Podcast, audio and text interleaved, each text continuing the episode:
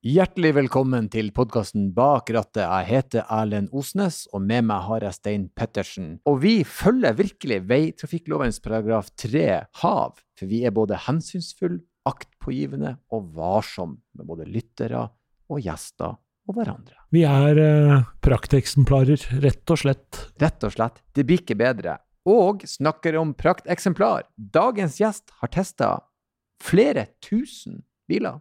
Ja, og hun har eh, pokal som kartleser fra NM i rally, men egentlig uten å treffe på en eneste note i en eneste sving. Og superbiler er så langt unna hennes kopp te som noen slags form for kopp te kan komme til å være.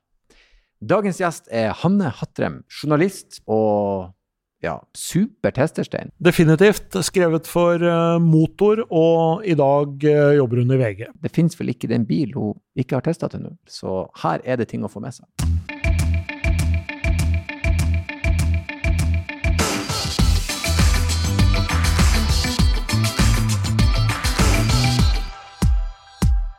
Og endelig er det på tide med en ny episode av Bakrattet podkast, og vi har så klart en helt spillerflunkende gjest på plass i stolen. Hjertelig velkommen, Hanne Hatre.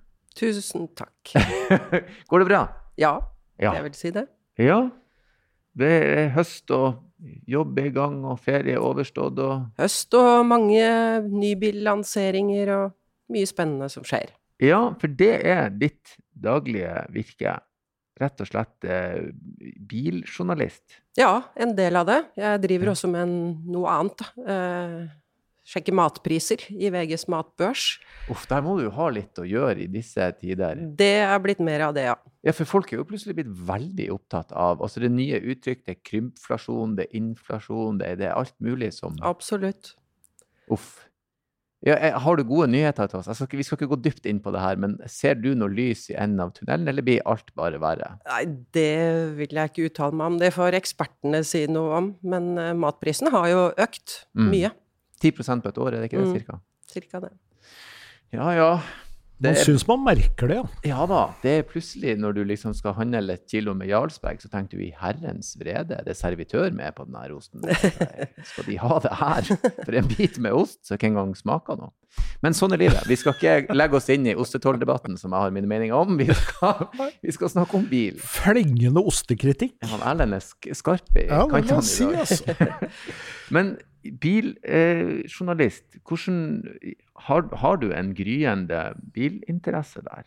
Eller har den kommet med jobben, eller? Ja, jeg vil nå si at den kom med jobben. Jeg var veldig ung da jeg fikk eh, min første faste jobb i bladet Motor i, i NAF. Riktig. Og så begynte det å rulle, rett og slett. Mm. Eh, så jeg vil jo si at jeg er litt profesjonelt bilinteressert. Sovner ikke med et bilblad, Mm. eh, men veldig engasjert. Mm. Men i, i, i motor for NAF, når snakka vi? Er det lenge siden det? Ja, det var i 1988. Ja, riktig. Da har du lang fartstid Mm. innenfor fagfeltet. Det er jo, I mitt hode er jo eh, motor det på en måte det mest hva man skal si, ugilda. Altså det mest upartiske. NAF er jo en veldig sånn korrekt Det er artigst at du blir sånn Ja, det fins mange gode uhilda redaksjoner, syns jeg. Jo, selvfølgelig. Det skal de jo strengt tatt Mm. alle være. Men NAF er jo veldig sånn, sånn som jeg oppfatter de eh, ut ifra bilperspektivet, som et sånn De selger deg ikke så veldig mye annet enn dette er vår mening om den saken. på. Nei da. De er veldig flinke, det vil Mm. jeg si. Og proffe. Mm. Og nå for tida skriver du for VG. Ja. Ja. Har gjort det ganske lenge også. Jeg tror over 15 år, jeg. Ja. Mm. Kan, men kan du si litt om biltrendene i, i, akkurat per i dag, bare for skøys skyld? Det syns jeg er litt spennende. I Norge, da. Ja, Norge er jo elbilland. eh, Er vel det beste i verden Mm. i forhold til befolkningen.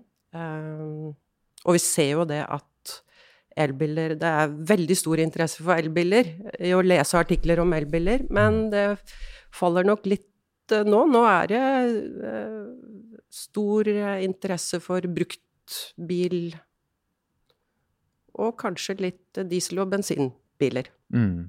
Så trenden er i ferd litt med å snu. Ja, jeg tror det er et blaff, egentlig. Oh, ja. Det går, det går én vei, og det er mot 100 elektrisk. Men Mm. eh, det er vel noen små steg.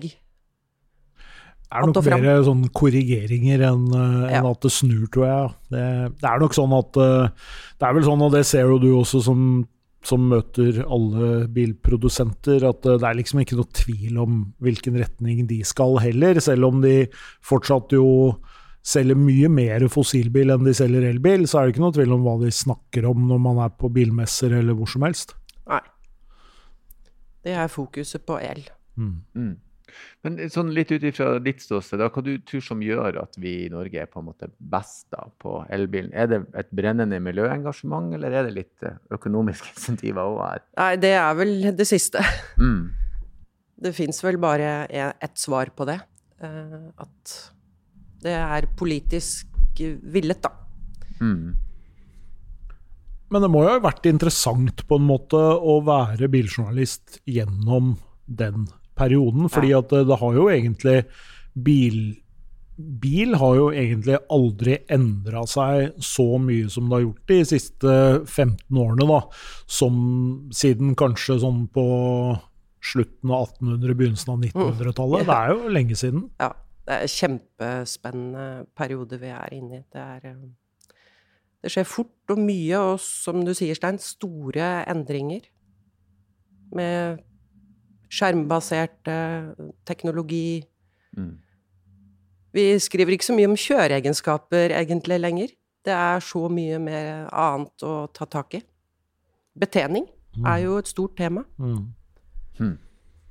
Det er litt interessant at bilen så det, Men det er nesten det, Man kan trekke paralleller til telefonen. Før i tida var telefonen til å ringe med, nå er han alt annet. Før Ja. var bilen til å kjøre med, nå har han begynt å bli mye mer annet. Mm, god sammenligning. Det er liksom, Nå kreves det sinnssykt mye mer. Jeg så bare en sånn der video på en eller annen sosiale medier. En, de har testa en bil der du, du tar den infotainment-skjermen, og så trykker du på en knapp, så snur du den, og så er det da plutselig widescreen av film. Mm, Og så var det brett i den, sånn som i flyet, til å sette drikke på. Mm. Lite bord. Så sånn. Ja.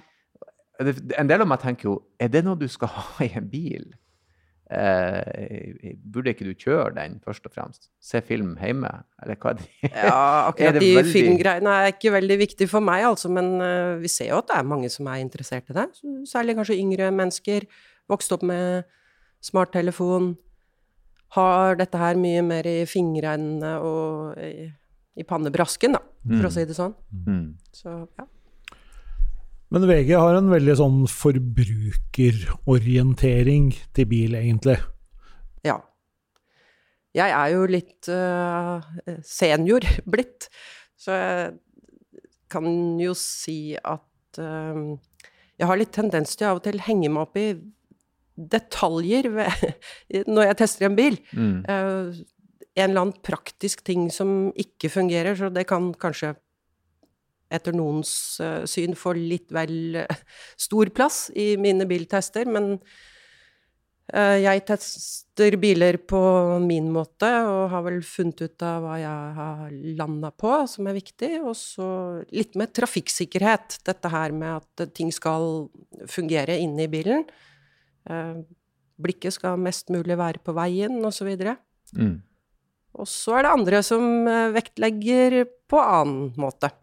Det er jo litt spennende. Du er jo profesjonell biltester. Du, du tester og, og skriver og sjekker og måler og herjer. Hva, hva er din favorittbil? Bare for skøys skyld. Hvis du fikk eh, Altså, hva er den bilen du Ja, tenker det- er den jeg absolutt kunne tenkt meg å ha hatt? Den beste si bilen du har testa? Det varierer fra uke til uke, egentlig, det. Det gjør det, ja. Ja, jeg blir veldig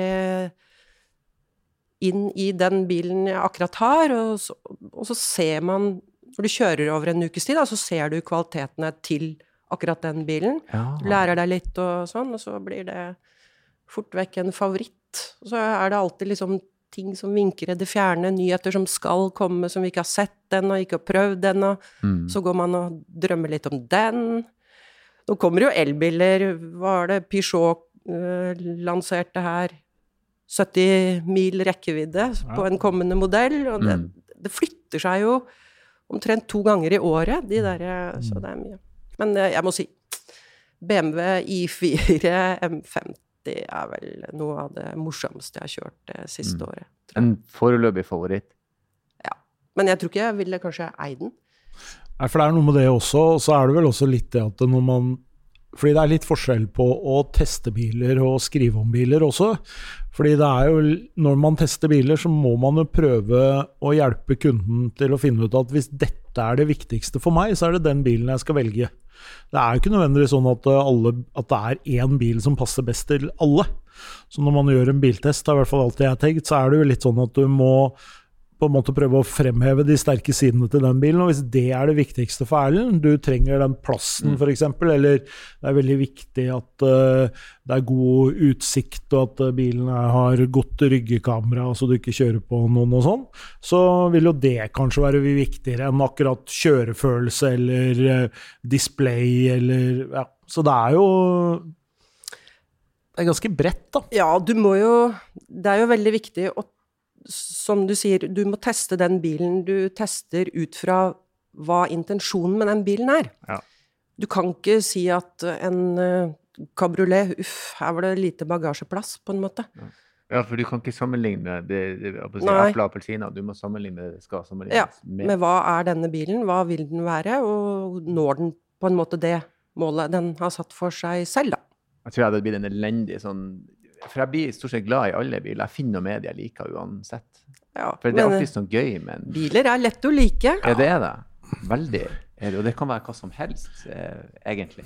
Og så er det jo litt sånn med journalistikk, da. Man må jo finne en vinkling. Og det er klart at da er jo kanskje det det som enten er den sterke siden til den bilen, eller så kan man jo velge å ta den svake siden til den bilen. Ja. Vi, vi er jo forholdsvis eh, snille biltestere i VG. Jeg ser internasjonalt så er det en eh, tøffere tone i, i biltestene enn det vi gjør i Norge. Men der er jeg litt Jeg er todelt. I, veldig ofte anmeldere, om det er biler eller restauranter, i det øyeblikket de føler at de skal være underholdere, skråstrek anmeldere, at Mm. den anmeldelsen skal være gøy eller tøff eller rå, så føler jeg da er du på et sidespor. Eh, det, det, du skal anmelde, det som du sier, du skal jo anmelde ut ifra hva er det denne skal sammenlignes med og ut mot. Mm. Eh, det går jo folk og anmelder konserter, og så blir jo hovedgreia at de skal gjøre narr av de som står på scenen. Altså, Mm. sånn, det, Men det er da- veldig morsomt å lese en Mm. velbegrunnet slakt, da. Selvsagt er det gøy, men du skal være ganske dyktig for å skrive en velbegrunna slakt. Ja. Mer enn ofte så blir det sånn Dette er jo bare Du må være litt Jeremy Clarkson, på en Ja. måte. Han, eh, Da han, eh, fungerer det. Chrysler Spitfire, når han sa at den kurven bak på bilen ser ut som en hund som kurver ryggen for å bæsje, så er det kjempegøy. Ja. Men ikke alle er Jeremy Clarkson, da. Crossfire, da, som han heter. Crossfire, ja. Var det ikke det? Ja. Det er ikke en, eh, jeg syns den var kul. Det var derfor jeg syntes det var ekstra gøy. Jeg bare, shit, det har jeg merke til. Og nå når jeg ser den bilen for evig ettertid, så er jeg sånn Det er det den bilen ligner på. En hund som bæsjer. Men ja, du har en, en, en profesjonell da, sånn bilinteresse, kan man vel si. Du har fått eh, miljøskader fra jobb, eller hva enn man skal si.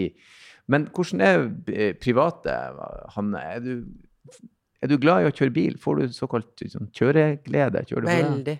Ja. Veldig glad i å kjøre bil. Eh, om det er opp på hytta, eller bare en eh, tur opp på bygdene på Romerike, der som jeg er fra, det koser meg alltid. Og selv bykjøring syns jeg kan være koselig. Tråkle seg litt rundt på ukjente steder i Oslo. Veldig herlig. Jeg har aldri hørt noen snakke om bykjøring med sånn glede i hjertestein. Du er ikke så glad i ja, Det kommer litt an på hvor man er, da. Men uh, det, har, det har sitt sjarm, det også. Men uh, fortrinnsvis hvis man ikke skal rekke noe, da. Ja. Det er, eh, da, da kan det være litt irriterende. 30 km i timen, det er helt herlig. Se seg rundt og Så du, jeg, jeg skal prøve å gjette. Du har ikke noe særlig road rage, du, nei? Eller kan du snu den sida? Det hadde jeg faktisk før. Jeg var mye hissigere, både på gasspedal og, og egentlig sånn i, i road rage. Ja. Eh, nå er jeg som sagt senior. Jeg er blitt rolig. Jeg får ikke fartsbøter lenger. Det er andre som tuter på meg. Eh, Det er helt forferdelig når man kjører inne i Oslo. Det er 30 km i timen. Du stanser bak en buss. Da er det alltid noen som skal kjøre forbi. Og hva skjer da? Når den bilen er på siden av bussen, da legger jo bussen seg ut. Ja. Så nå tuter folk på meg, for jeg stopper og Hensynsfull. Ja, veldig. Men det, men det betyr ingenting at de tuter, det er bare en lyd. Det er Ja. veldig enkelt. Hvis du klarer å koble det ut. Ja. Dette er ikke en tilbakemelding, det er bare en lyd. ja. Hisser meg ikke opp over det. Men, så den, det, men det er litt kult å høre at man rett og slett kjører tur for turen sin del. For det er det jo ikke absolutt alle som gjør da. Så da er det jo en litt sånn der, eh, jeg på å si, bilglede i bunnen der. Men, Absolutt. Men har du vokst opp med i en bilinteressert familie? Eh, ikke bilinteressert, men vi bytta bil hvert tredje år. Faren min hadde Volvo 240. Turt, turt, turt, turt, turt. Mm. Eh, så var det jeg lærte å kjøre bil i. Det gikk vel en kløtsj da i oppkjørselen når vi skulle øve Bakkestart? bakkestart, jeg og tvillingsøstera mi. Og for ikke å si mora mi, som skulle ta lappen da vi også tok lappen. Så ja. Å ja, så hun Ganske intens øvelseskjøringperiode eh, øvelseskjøring en periode der, da. ja, faren min var tålmodig. Nå, Jeg skulle si det. jeg var lynrask. Jeg hadde ni kjøretimer. Søstera mi hadde ti. Mm. Og mamma Det var et langt lerret å blekke, for å si det sånn. Uff, det er enkelte ting man ikke skal gjøre med kjæresten sin. Jeg tror Øvelseskjøring er ikke en av dem. Det er en litt sånn stressituasjon. eh, Mm. Så han måtte øvelseskjøre med mor di og rett og slett bare Det gikk bra. De er fortsatt gift. Ja, det, Ja, det er, det er imponerende. Ja, Ah, men da, da er det der. Men Så- reiste dere på bilferie, liksom? absolutt. Eh, veldig mye dro vi på hytta i Hallingdal, Ja. men vi var på en sånn stor dannelsesreise nedover, med bil nedover i Europa. Det var jo storveis. Og ta oss med nedover i Europa. Hvor dere dro? hen? Ja, det var eh, Hva var det da? Det var vel Kiel-ferja, og så var det gjennom eh, Tyskland, vi var i Italia og Frankrike Ja, hele, hele pakka. Ja. Alpene var jo helt storveis. Ja, det er mange timer i bil, da. Mm. Er det. Det er gode minner, faktisk. Har du praktisert uh, bilferie som ikke har vært i profesjonell setting i voksen alder, eller er det mindre av det? Nei. Nei. Det har jeg faktisk ikke. Jeg hørte dere hadde en gjest her, Sofie Frøysaa. Hun eh, De driver jo sånn og camper i, og bor i bilen, og det ku- kunne ikke falle meg inn. Jeg er litt sånn som deg, som uh, trenger et, et godt hotellrom. Ja, Fins jo så mye fine hoteller. ja, Ja. det gjør det. Jeg, jeg har, jeg har den her samtalen med broren min ofte. Han er sånn Tempelife.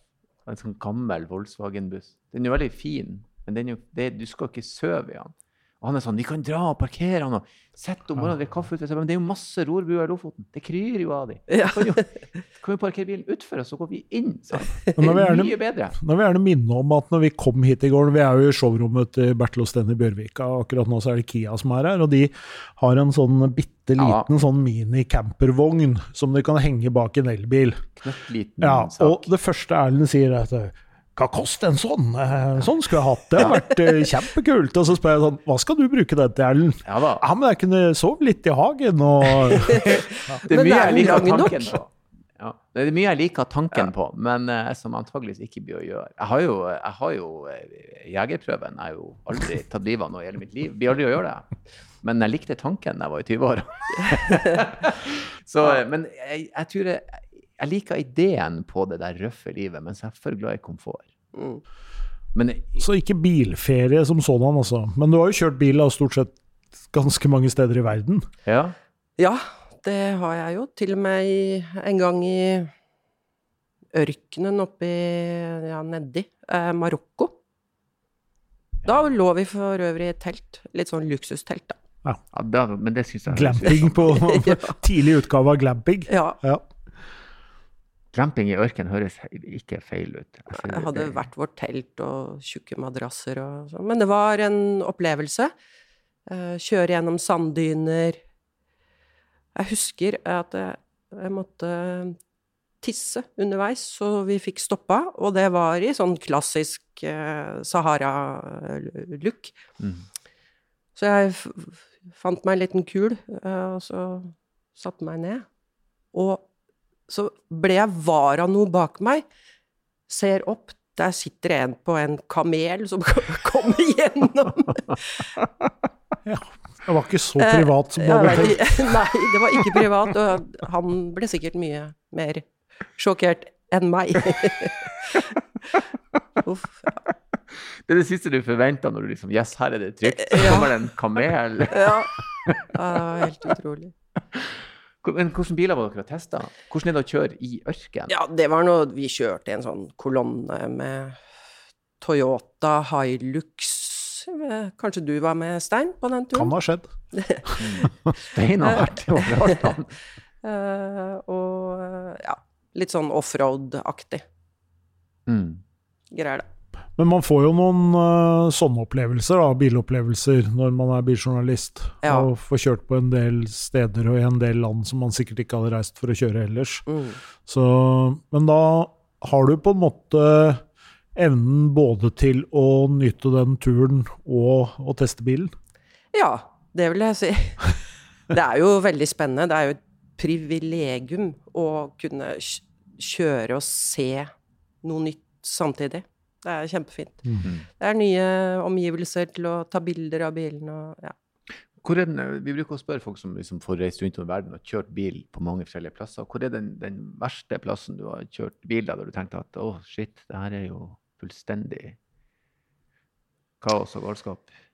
Nei, vi er, er jo litt sånn kresne, vi biljournalister, og blir fort litt irritert på, på ting og tang. Jeg husker en gang det var en lansering av var vel en eller annen Nissan som var lagt til Barcelona, og vi fikk utdelt bilene på et hotell der vi bodde midt inne i byen.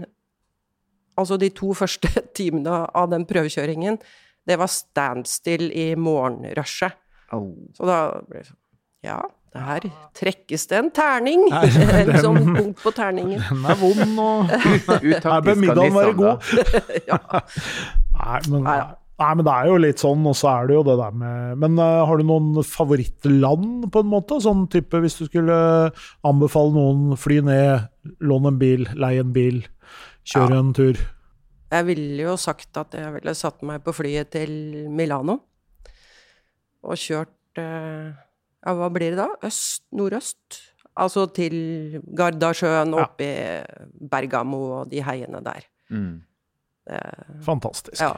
Fantastiske veier og som regel ganske hyggelige temperaturer, og Ja. det er jo bra. Det er mange som trekker frem det området for bilkjøring. Hva er det med de, bil, de veiene som er så, så, så flott, da? Det, Nei, jeg tenker kanskje omgivelsene er så fine. mm. Å kjøre altså Gardasjøen og Komosjøen, ikke minst Komosjøen, Mm. er jo helt magisk, rett og slett. Mm. Så det er, mer, det er mer for å på en måte være i ett med det landskapet. Mm. Mer enn akkurat uh, Jeg ligger ikke på sånn pipende hjul i noe svinger, så Mm. Ja, for det er også noe som jeg tror ikke alle helt får med seg. For du kan ha en fantastisk naturopplevelse i, i bilen, rett og Mm. slett. Eh, farger og, og, og det merker jeg forresten nå når, når jeg, jeg kjører elbil. og den, den naturopplevelsen i elbil når det er stille òg, det er jo mm. også noe helt annet. Hvis man da kjører, ikke kjører fort og man vil se farger så er det jo en, en, en, Mm. en veldig fin tur, rett og slett. Hva slags bil kjører du? Jeg har en eh, Audi E-tron S60 Ja. som jeg syns er veldig behagelig. Mm. Stille, rolig. Eh, ja. Altfor mye krefter. Bare tull. Ja. Så ikke anbefaler det til noen, men det er selvfølgelig veldig gøy. så turen i seg sjøl er noe som jeg òg liker med det. Men eh, skal vi se, vi skal prøve å komme oss litt eh, eh, tilbake her. Vi, vi, vi, eh, vi har snakka om rådbæsj. Du sa du hadde det. Og du har klart på en måte å tøyle det. Du er blitt senior, sier du. Men Ja, hadde du noen opplevelser der? Hva heter der? det? Eh, Evolusjon, eller aldring, eller Ja, forbedring, vokst noen av seg. ja. Men hadde du noen opplevelser der du altså, Hvordan så det ut? Kunne du gå ut av bil, konfrontere folk? Nei. Nei da. Det har jeg nå aldri gjort. Men litt hardt på hornet har jeg jo Ja. ligget. Ja, for Det- folk som går ut av bil og konfronterer, det er jo litt mye, er det ikke det? Spør du Ja, jeg syns jo stadig vekk vi har noen sånne videoer på VGTV og se denne her, og han går ut av bilen og Ja, det er noen som, noen som eh, Noen av, noen, noen av oss kan uh, selvfølgelig ta det takk lenger, ja. Ja, er du sånn hissigpropp, Stein? Det kan skje, det, altså. Jeg fortalte her at jeg hadde Road Rage 0702 i dag, så det er, eh, så det er, Nettopp, ja. så det er muligheter. Men uh, nei da, men jeg jobber med voksedame her. Men det er en sånn der, det, det er en sånn der uh, Road ragen er ikke noe man kontrollerer. Jeg er på Stein sitt lag, jeg sjøl kan rage, men nå er jeg kommet i en alder der jeg i etterkant blir veldig flau. For jeg innser at det er jo meningsløst. Du kan ikke drive og strekke opp Det gjør folk. ikke jeg. Nettopp. Nei. Så jeg, be- jeg tror jeg er på din kurve også. Jeg tror jeg begynte begynt å innse at Kan det her. Altså, det er jo sånn med mange når man blir eldre, at uh, de egenskapene du har, forsterker seg, liksom. Så det kan hende at min road rage er på vei oppover, faktisk. Faktisk. At jeg som sånn 82-åring uh, klarer å kravle meg ut av bilen og slå med stokken i uh, nærmeste ja, Nei, det, den tid, den sorg, tenker jeg. Ja. Men hvor god vil du si at du er til å kjøre bil? da? Vi har en skala vi opererer her med fra 1 til 10, der 10 er den perfekte bilist, eh, trafikant, da, og eneren er, ja, selvfølgelig, motsatt. Hvor plasserer du deg på den skalaen, og hvorfor? Hvorfor ja.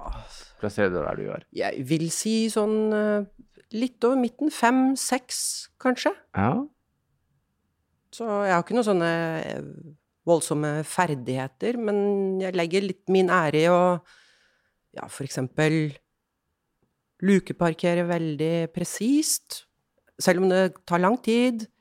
Alltid stille bilen med rette hjul, mm. og liksom innenfor ruta, sånn helt fint. Så ja, der er jeg kanskje oppe i terningkast seks. ja. Så god på basics, liksom. Ja.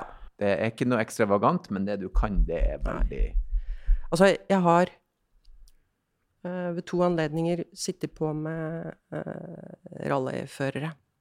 Ja, riktig. Jeg satt på med Sebastian Løb, Oi, det En gang, er jo en og når du Altså, det er Det er, det er som å se den ypperste ballettdanser i eh, Moskva, alt jeg på skulle sagt. Ikke Moskva nå, da, men Men når det er altså ferdigheter som er vanskelig rett og slett å forstå. Ja. For du tenker at her eh, kommer vi til å kjøre av veien, Ja. men det gjør vi ikke. Fordi at idet han lander, så er vi på vei akkurat i riktig retning, samme vei som veien. Nettopp. Etter å ha svevd i, i ti meter, liksom. Men det er jo ganske kult. Men Sebastian Løve, når, når, når og hvor, holdt jeg på å si? Det var et Det var også et pressearrangement i regi av Citroën, da. Mm. Så vi var på en sånn liten eh, grusbane, veldig kupert, hvor han tok med journalist etter journalist, og det var skikkelig, skikkelig moro. Ja, det må være en ellevill opplevelse. Han er en lun og rolig fyr, Ja. da. Som veldig mange sånne rallyførere er. Veldig sånn nedpå og Mm. rolig. Du tenker liksom uh, at de er gærne, men veldig mange av de er jo veldig sånn nedpå. Mm. Ja, og veldig ja, Nå var jo han på jobb for Citroën, så han, jobben hans var å snakke med oss også etterpå, men han virka som han trivdes på en måte i den dialogen som ble etterpå. Mm. Og så må jeg bare si at eh, jeg har sittet på med en annen god fører, Mm. og det var i 1992 med Bruno Arntzen, en Opel eh, Kadett. Ja, det kan ha vært en. Ja, det var det nok. Og da fikk jeg Jeg var kartleser og fikk eh, pokal i NM. Ja. Tredjeplass. Oi, Det er jo veldig kult. Du har sånn vært med i en uh, Ja, det var reportasje jeg lagde, og stakkars Bruno måtte ha med meg, så den pokalen var ikke min fortjeneste, for å si det sånn. Nei, men det er jo Pokal er pokal. Jeg le leste jo ikke kartet. Oh, ja. Jeg skrek ut de der notene øh, uten å se, se på noe foran meg. Så det var jo helt i utakt med terrenget, rett og slett. Jeg leste ikke noe. Ganske rutinert, uh, ganske rutinert rallyfører, da. Ja. Det hjelper, det. Det er veldig kult. Og det er eh, også Sebastian Løb er jo virkelig en av de store Han, han har holdt på i Han holder vel på ennå. Ja, ja, ja. Han lå jo og kriga med Ja, nå kjører Solberg han, på eh, Ja, nå, 2000 ja, nå kjører han litt forskjellig. Og så var han jo med og kjørte Han vant jo Monte Carlo, Rally Monte Carlo i fjor, Ja. sammen med kartleseren sin, som er en italiensk dame på rundt 50 år. Eh, det? ja, som er, uh, som jo er sko lærer. Så hun hadde fortalt elevene at hun skulle eh, drive litt med hobbyen sin, så hun ble borte noen dager. Kom tilbake, hadde vunnet uh, Rally Monte Carlo, altså VRC, med Sebastian Løp. Så det er ganske gøy. Ah, Det er gøy når du, du spiller det såpass ned til ungene. Det sånn, Jeg skal bare holde på med hobbyen min i noen dager. Hun burde vi jo sk rett og slett skrive en artikkel Ja, på. det er, hun Ja. har vært det, altså. Hun, er, eh, hun har jo vært, har selvfølgelig vært kartleser i, i veldig mange år, så er hun meget dyktig. Men uh, litt kult. Men det er jo litt sånn at noen av disse noen av disse rallyførerne de holder seg godt i gang. Ja. Det er ikke noe Mm. ulempe nødvendigvis å ha erfaring. Nei, på ingen uh, måte. Det er imponerende. Men uh, ja, litt tilbake til deg, da. Vi, uh, sånn, hvor, hvor lenge har du tatt, hatt sertifikatet? Kjør, hva, kjørte du opp på dagen? Ikke på dagen, men kort etter. Så hva vil det bli da? Da var jeg 18, nå er jeg 57. Ja. Så ja, Ja. det er mange år. Så du har kjørt, flere år. kjørt bil i, i, i mange år. Mm. Hva du, eh, jeg å si, eh, når du kjører bil, hva du, hva du bruker bilen mest til? Vi har vært litt inne på det. Er det, det, det er jobb, men eh, det er rekreasjon. Det er Ja, det er liksom to ting. Det er å kjøre opp og ned til hytta, og så disse småturene.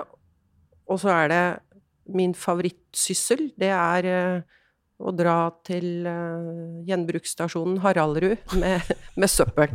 Det elsker jeg. Så, så da fyller jeg opp og leser av. jeg, jeg kan, jeg, det, men det kan jeg kjenne meg igjen i. De dagene Det er selvfølgelig det trenger ikke være riktig i det hele tatt, men de dagene jeg kjører til miljøstasjonen eh, med en elbil for å levere tilbake plasten jeg har skylla og putta i plastsekker, da føler jeg at nå setter jeg et plaster på moder jord. Ja. Nå er jeg med. Ja. så må det sies at jeg flyr enormt mye i jobben min, så jeg prøver å ikke tenke så mye på det. da. Det, det, det har ikke jeg tatt med i beregninga. Men det er en fin, for jeg liker òg det. Å gjenvinne og levere tilbake. Mm. Men det er jo selvfølgelig også en bekymring at man at det, at, man, at det kommer så mye søppel inn i huset, på en måte. Fordi det er jo en grunn til at man må på Haraldsrud. ja. på en måte. Det, er, det er jo fordi Ja. det er jo papp, og det er noe Altså, det er jo helt Kjøp utrolig litter. hva som sirkulerer gjennom en husholdning i løpet av et år. Veldig. Og det, man føler seg liksom av og til som en sånn liten fabrikk hvor det tyter inn ting og tyter ut ting eh, hele tiden. Mm. Altså, jeg mener husholdningen, da. Ja, selvfølgelig. Ja. Selvfølgelig. Men eh, hva var den første bilen du kjøpte og eide selv? Ja. Ja, det var eh, Fordelen med å bo, komme fra landsbygda, vet du, det er at eh, du har mange kamerater som er bilmekanikere. Så to av mine venner var mekaner, Toyota-mekanikere. Så ringte han en og sa du, nå har vi en. Passer deg. Det var en Toyota Carina, ja. brun. Og den hadde sånn uh, handikap-utrustning. Jeg fikk den for 20 000. Den var nesten ikke kjørt noen ting. men Det var sånn helt mekanisk.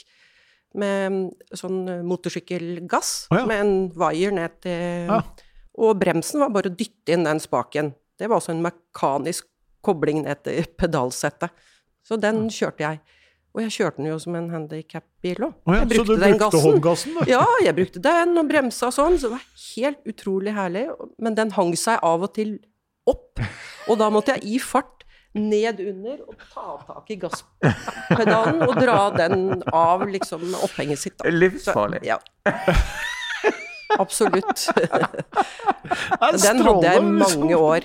Parkerte du på handikap-parkering i går? Nei, det gjorde jeg ikke. Det burde du ha gjort, da. Det er jo kjempegøy å ha en sånn inn. bil Ja, her er det handikap. Det er i ikke noe problem. så mange Men hvor mange år hadde Ja, den? det? det husker jeg ikke. Jeg kjørte den helt ut. Jeg kjørte med konstant på vinteren med vedsekker i, i bagasjen. Den var lett og vinsa. Ja. Carina, men den husker jeg godt. Jeg har aldri hørt om en med håndgass Nei, og skyvebrems. sånn- skyvebrems. Du Sedan. Ja.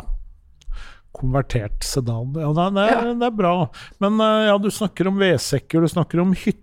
Hvordan, eh, hvordan ser det ut i bilen til Hanne Atrem? Er det, er det sånn utvida bod, eller er det, eller er det liksom strøkent? Nei. Det er eh, Når jeg har biler, så er det strøkent. Mm. Altså, har man stoppet og spist en pølse, så skal det pølsepapiret kastes før man kjører videre. Det er så, det er så, det er så, Det er så det er så riktig. bra. Ja. Det er så riktig. Og søndager er det bilvask. Ja. Oh, ja. Jeg avrunder helgen med bilvask som regel. Det hørtes jo Ja, veldig det er ikke alltid Det er ikke min bil, da, men Nei. selv om jeg låner biler, så skal de se pent ut både under og. Ved avsluttet Kan lån. bekrefte at det stemmer. Mm.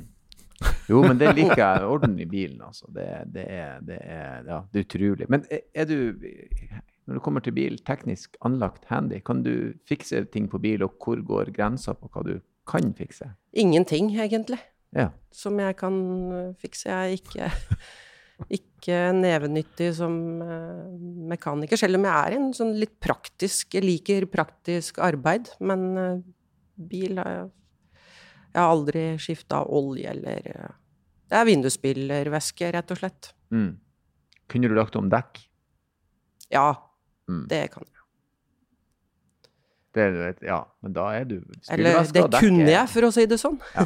Det gjør man øh, jo ikke så med lenger. Nei, det er jo ofte en utfordring at det fins jo ikke noe jekk i en sånn bil lenger. og det er jo ikke Mm. noe, Så da må man jo på en måte legge, da må man ha litt mer utstyr, da. Mm. Men Det har jo skjedd, eh, ja. Så der har det jo skjedd ganske mye. Men jeg må jo si jeg beundrer de som ja, har eh, en eller to gamle biler og pusser og ordner og setter i stand og kjøper deler og får tilsendt fra verdenshjørner. Det er, det er skikkelig kult, faktisk. Ja, det- Men jeg- Det er jo en sånn ting som jeg liker tanken på. Jeg kan Mm. hatt jeg et verksted og en bil. Jeg hadde selvfølgelig ikke gjort noe av det. Kanskje når man blir pensjonist. Ja, man får tid. Det går an å holde på litt, grann, Det trenger ikke å være så ekstremt uh, kre teknisk krevende. Det kan jo være litt sånn det er mye sånn småting man kan gjøre. Jeg bytta lykter på en bil her, f.eks. Og litt sånn, og det er jo ikke sånn Det er, det er jo veldig fort gjort, egentlig. Hvis man bare Og så er jo det mest fantastiske på å skru bil i dag Vi hadde jo vi hadde jo Mio her, han eh, fra, fra Broiler, ikke sant? som Mm. jo er blitt en helt sånn vanvittig mekaniker. Og han har jo lært alt han kan, har han jo lært på YouTube, stort sett. Og sånn er det jo nå. Hvis jeg skal gjøre et eller annet på en av de gamle bilene mine, så, så starter jeg jo på YouTube. For det fins jo en eller annen kar som har gjort det. Uansett om det er båten eller om det er en av bilene, så er det jo holdt på overalt et sånn drev på sånn eh, outboard-drev på en båt som jeg hadde. og da Altså, Det finnes så mange, særlig amerikanere, som driver og filmer seg sjøl mens de reparerer ting, og forklarer og ordner og har lagd noen egne verktøy som de viser fram. Det er jo helt fantastisk. Ja, det er fascinerende. Det er mange flinke folk, rett og slett. Men nøkkelordet er gamle biler.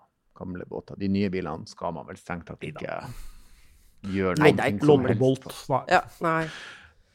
Nei, så det blir vel noe utøvende greier, det, da. Antagelig.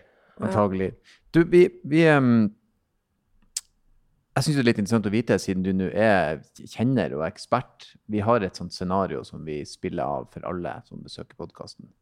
Der uh, førstkommende fredag så Nå vet ikke jeg om du er en som gambler eller ei, men akkurat denne fredagen så tenkte du i dag så spanderer jeg noen hundrelapper på Eurojackpoten, og så ser vi hva som skjer. Og så ringer de deg, og du vinner altså ja, 855 millioner kroner. De triller rett inn på brukskontoen. Så penger, det er Du er sett. Det er ikke noe du trenger å tenke på engang. Hvilke tre kjøretøy ville du i så fall ha gått for hvis penger var ingen hindring? Ja, nå er det veldig populært å si Gelendewagen eller G-wagen, men eh, jeg, jeg tror Altså, ja. Jeg ville hatt en sånn skikkelig doning. eh, som den første bildet. Og jeg syns faktisk at den nye Landcruiseren ser veldig kul ut. Den men det må nye- være førsteutgaven med den med de runde liktene. Mm. Uh, for jeg syns ikke de andre var så vellykka. Uh, Så en Landcruiser hadde stått høyt på ja, tror det. Så jeg ville hatt en liten elbil også, med ikke sånn superlang rekkevidde. Plass nok til det lille lasset kjører av gårde til Haraldrud. Så uh, ja. Men det må være litt sånn Det må være litt uh, attityde med de bilene. Så ja, nå har jeg akkurat testa den uh, Jeep Avengeren, da, Stein, som Ja. du kjenner. Den kjenner jeg. Uh, og, den uh, var veldig bra. Og, så, og jeg syns at den har også designet som, som jeg liker. Og så kanskje den derre I4-en, da. Mm. Til å sånn, tuske ned til Milano med. Mm. Så en, en, en, en Land Cruiser og en eh, Jeep Mm. og en I4 Ja. den, den, den, Jeg skal ikke nokke drømmegarasjen din, men en ganske tilgjengelig garasje, ja. Det tror jeg. Jeg er ikke noe sånn kabriolet-menneske. Jeg skjønner ikke vitsen med kabriolet i det hele tatt. Eh, Det bråker jo så fælt, og jeg er jo utslitt etter eh, to timer. Helt enig. Veps er jeg allergisk for, og livredd for å få sånne ting inn i bilen, så nei. Her, her, her på Bergå så blir det jo en sesongbil. I, Ja. Du kan ikke bruke den året rundt heller, den kabrioleten der. Så, så superbiler er ikke din kopp te, rett og slett. Du er mer eh, Nei. Det har jeg egentlig ikke kompetanse på i det hele tatt. mm. så du, Men sånn du Königsegg og sånn, det, da, det tror jeg hadde gått galt. For du må være ganske kompetent bilfører for å kunne håndtere så ekstremt mye krefter. Du husker jo han Tommy Sharif kjøpte seg Königsegg, det gikk jo ikke bra. Det Gikk ikke så veldig bra. Det gikk ikke bra i det Nei. hele tatt. Nei, du skal Det er jo Spiderman sine ord om at med great power come yeah. great Responsibility. responsibility. Ja. Og det stemmer vel kanskje for supersportspiller også, tenker jeg. Det er litt sånn eh, Det er jo noe med det. Man skal jo vite hva man eh, driver med, da. Så er det jo litt med å holde på med det som du gjør, så er det jo kanskje mer mer relevant, men det er jo en bra jeg synes det var bra drømmegarasje. Ja, ja, ja. ja. Jeg liker Land Cruisere veldig godt. De, eh, fra de første til Nå har de jo kommet med en eh, litt sånn retromodell som jeg syns så jævlig Mm. kul ut. Og den kommer vel i L òg, hvis ikke jeg husker helt feil. Ja, gjør det? Det er jeg ikke I hvert fall spekulerte de i det, men Ja. den, den remaken de kom med nå, syns jeg var dritkul. Så uh, Mm. det er noe litt sånn ikonisk med de Men- bilene. Men hvis du nå, nå som du, du som sitter så tett på på en måte det som skjer da ute med bilindustri og alt mulig, tenker du at det er liksom Hvor fort er vi Er på en måte ikke bare Norge, men liksom landet rundt oss også blitt elektrifiserte, liksom. Sånn som i Sverige nå, så snakker jeg med kollegaer, og de sier at eh, vi selger én elbil omtrent for hver 20. fossilbil vi selger. Altså, Vi har jo vært kjempeheldige i Norge, på en måte, fordi vi har hatt et avgiftsregime som har vært perfekt til å, til å gi elbilen fordeler. da. Eh, og så ser vi at alle fabrikkene, altså alle vi fabrikkene som Bertil Sten har, de snakker jo stort sett om elbil. Kia er jo et rent elbilmerke blitt, og uh, Opel slutter med hybrider eh, når dette året er over, for i Norge i hvert fall. og Det, liksom, det, det skjer jo masse ting, men hvor lang tid liksom vil det ta før elbil er allemannseie liksom i Nord-Europa, da? Ja, det er et veldig godt spørsmål. og Det går mye saktere enn eh, alle festtaler. For mange år siden, Merkel hun var ute med et sånt helt vanvittig mål for utbredelse av elbiler i Tyskland. Det ble jo ikke nådd. Eh, Det går, som du sier, du hører fra Sverige f.eks., det går kjempesakte. Jeg ser på det litt som eh, dette med selvkjørende biler. Altså for seks-sju år siden så var det liksom rett rundt hjørnet. Og jeg var på et sånt arrangement hos Bosch sammen med Jon Winding Sørensen, som er jo en uh, utrolig kapasitet. Og da Da satt vi og sa ja, selvkjørende biler. Og da hadde vi kjørt biler som kunne kjøre seg selv gjennom rundkjøring og sånn, veldig sakte og digre ting på taket og så videre. Men liksom, teknologien er der på en måte. Mm. 2050 da, kanskje. Mm. Før det er ordentlig trygt. Mm. Og det samme, det tar mange, mange år før det er Ja, for det skal bygges infrastruktur, det skal eh, Folk skal snus, da. Jeg tror ikke egentlig at folk Jeg tror faktisk at det, det er en ganske sånn- Det er en sånn Det er ganske få folk som er Selv om hvis man leser kommentarfelt, så fremstår jo de som om de er veldig sånn at, at det finnes så mange av dem, men de som er veldig sånn motstandere av elbil, det er jo en ganske begrensa mengde med folk, Mm. egentlig. For, for de aller fleste så handler jo bil om noe praktisk. De som leser bil i VG, de er jo opptatt av bagasjerom og ryggekameraer og liksom Og at det ikke er så mye feil. Nemlig. Ikke minst. Og god kundeservice. Ja, ja, ja. Ja, for det er jo også en uh, utrolig viktig del av bilopplevelsen. Da. Så jeg tror ikke de bryr seg så mye om egentlig hva slags drivlinje det er. Det er det prisen på bilen og, som til Mm. syvende og sist kanskje bestemmer. Men altså, det er jo noe Du må jo legge helt om. Altså, det er et fikkel når du må stoppe å lade. For den tida går. Istedenfor uh, Hvis jeg kjører en ladbar hybrid opp til hytta, så er min eh, kjære veldig happy, for det er sånn Oi, da slipper vi å stoppe å lade, på en måte. Ja, da er vi oppe tre kvarter tidligere. Mm. Og på en fredagskveld, da betyr det litt. Og samme hjem på søndag. Så det Ja, som du sier, Stein, det, folk må snus, da. Mm. Det er en helt annen måte å holde bil på. Ja, og da er vel på en måte nøkkelen fortsatt nøkkelen litt rekkevidde da, for en del mennesker. Men øh, syns du Tror du det vil bli større hva skal vi si, Nå har det vært veldig fokus på rekkevidde veldig lenge. Tror du det vil bli mer differensiering, på en måte? Tror du at det, det kom, tror du det blir like viktig for folk med en billig elbil som går ikke så langt, men som virkelig er billig? Det er jo folk som skal ha bil bare i randsonen til byen, liksom. Sånne folk. Så det, det vil jo kanskje en, Eller vi vil, vi vil kanskje se Alle skal jo ikke ha en stor SUV. Ja, og jeg tror faktisk det blir færre store el-SUV-er. Mm. Og som du sier, jeg, jeg tror absolutt det, at det rekkeviddefokuset eh, Det blir hva, hva skal jeg bruke bilen til? Og hva passer meg? Så vi satt akkurat og diskuterte en, den uh, uh, ideen til en artikkel i går om de billige elbilene som uh, kanskje ikke har så lang rekkevidde, men som holder til min bruk. Mm. Så ja. For vi ser jo det er en del produsenter nå som snakker om den type 20 000 euro-bilen, da. Som jo Som på en måte er en, en, et segment som på en måte har blitt litt borte. Fordi nå kjøper alle ganske dyre biler. Så det er noe med, det er en spennende, spennende utvikling. Ja. Men, men for deg som har testa har du, har du et nummer på antall biler du har kjørt? Nei, det har jeg ikke. Men vi snakker tusenvis.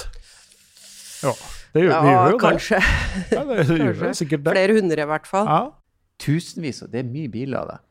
Tusenvis av blir, biler. altså jeg regna over at jeg. Hvis jeg liksom regna alle biler jeg var innom i løpet av et år når jeg var i bil Hvis du tenker når du er ute på en sånn eh, en utenlands pressekjøring, da, så bytter du jo mellom flere biler i løpet Ja. av en dag. Så da kjørte jeg sånn type 200 forskjellige biler i året omtrent. I hvert fall. Bra. Altså hvis du har gjort dette her i Ja. 30 år, så blir det noen biler, vet du. ja. Det er nok litt eh, færre nå, men Ja. eh, ja. Ja. Men du har det enda i deg til å teste 1000 til? ja. Jeg får speede opp litt. Ja. Du, det er helt nydelig. Uh, lykke til videre med all testing og kjøring og det som måtte komme langs din vei. Og så avslutter jeg sånn som jeg alltid gjør, med å si uh, takk for besøket, og kjør forsiktig.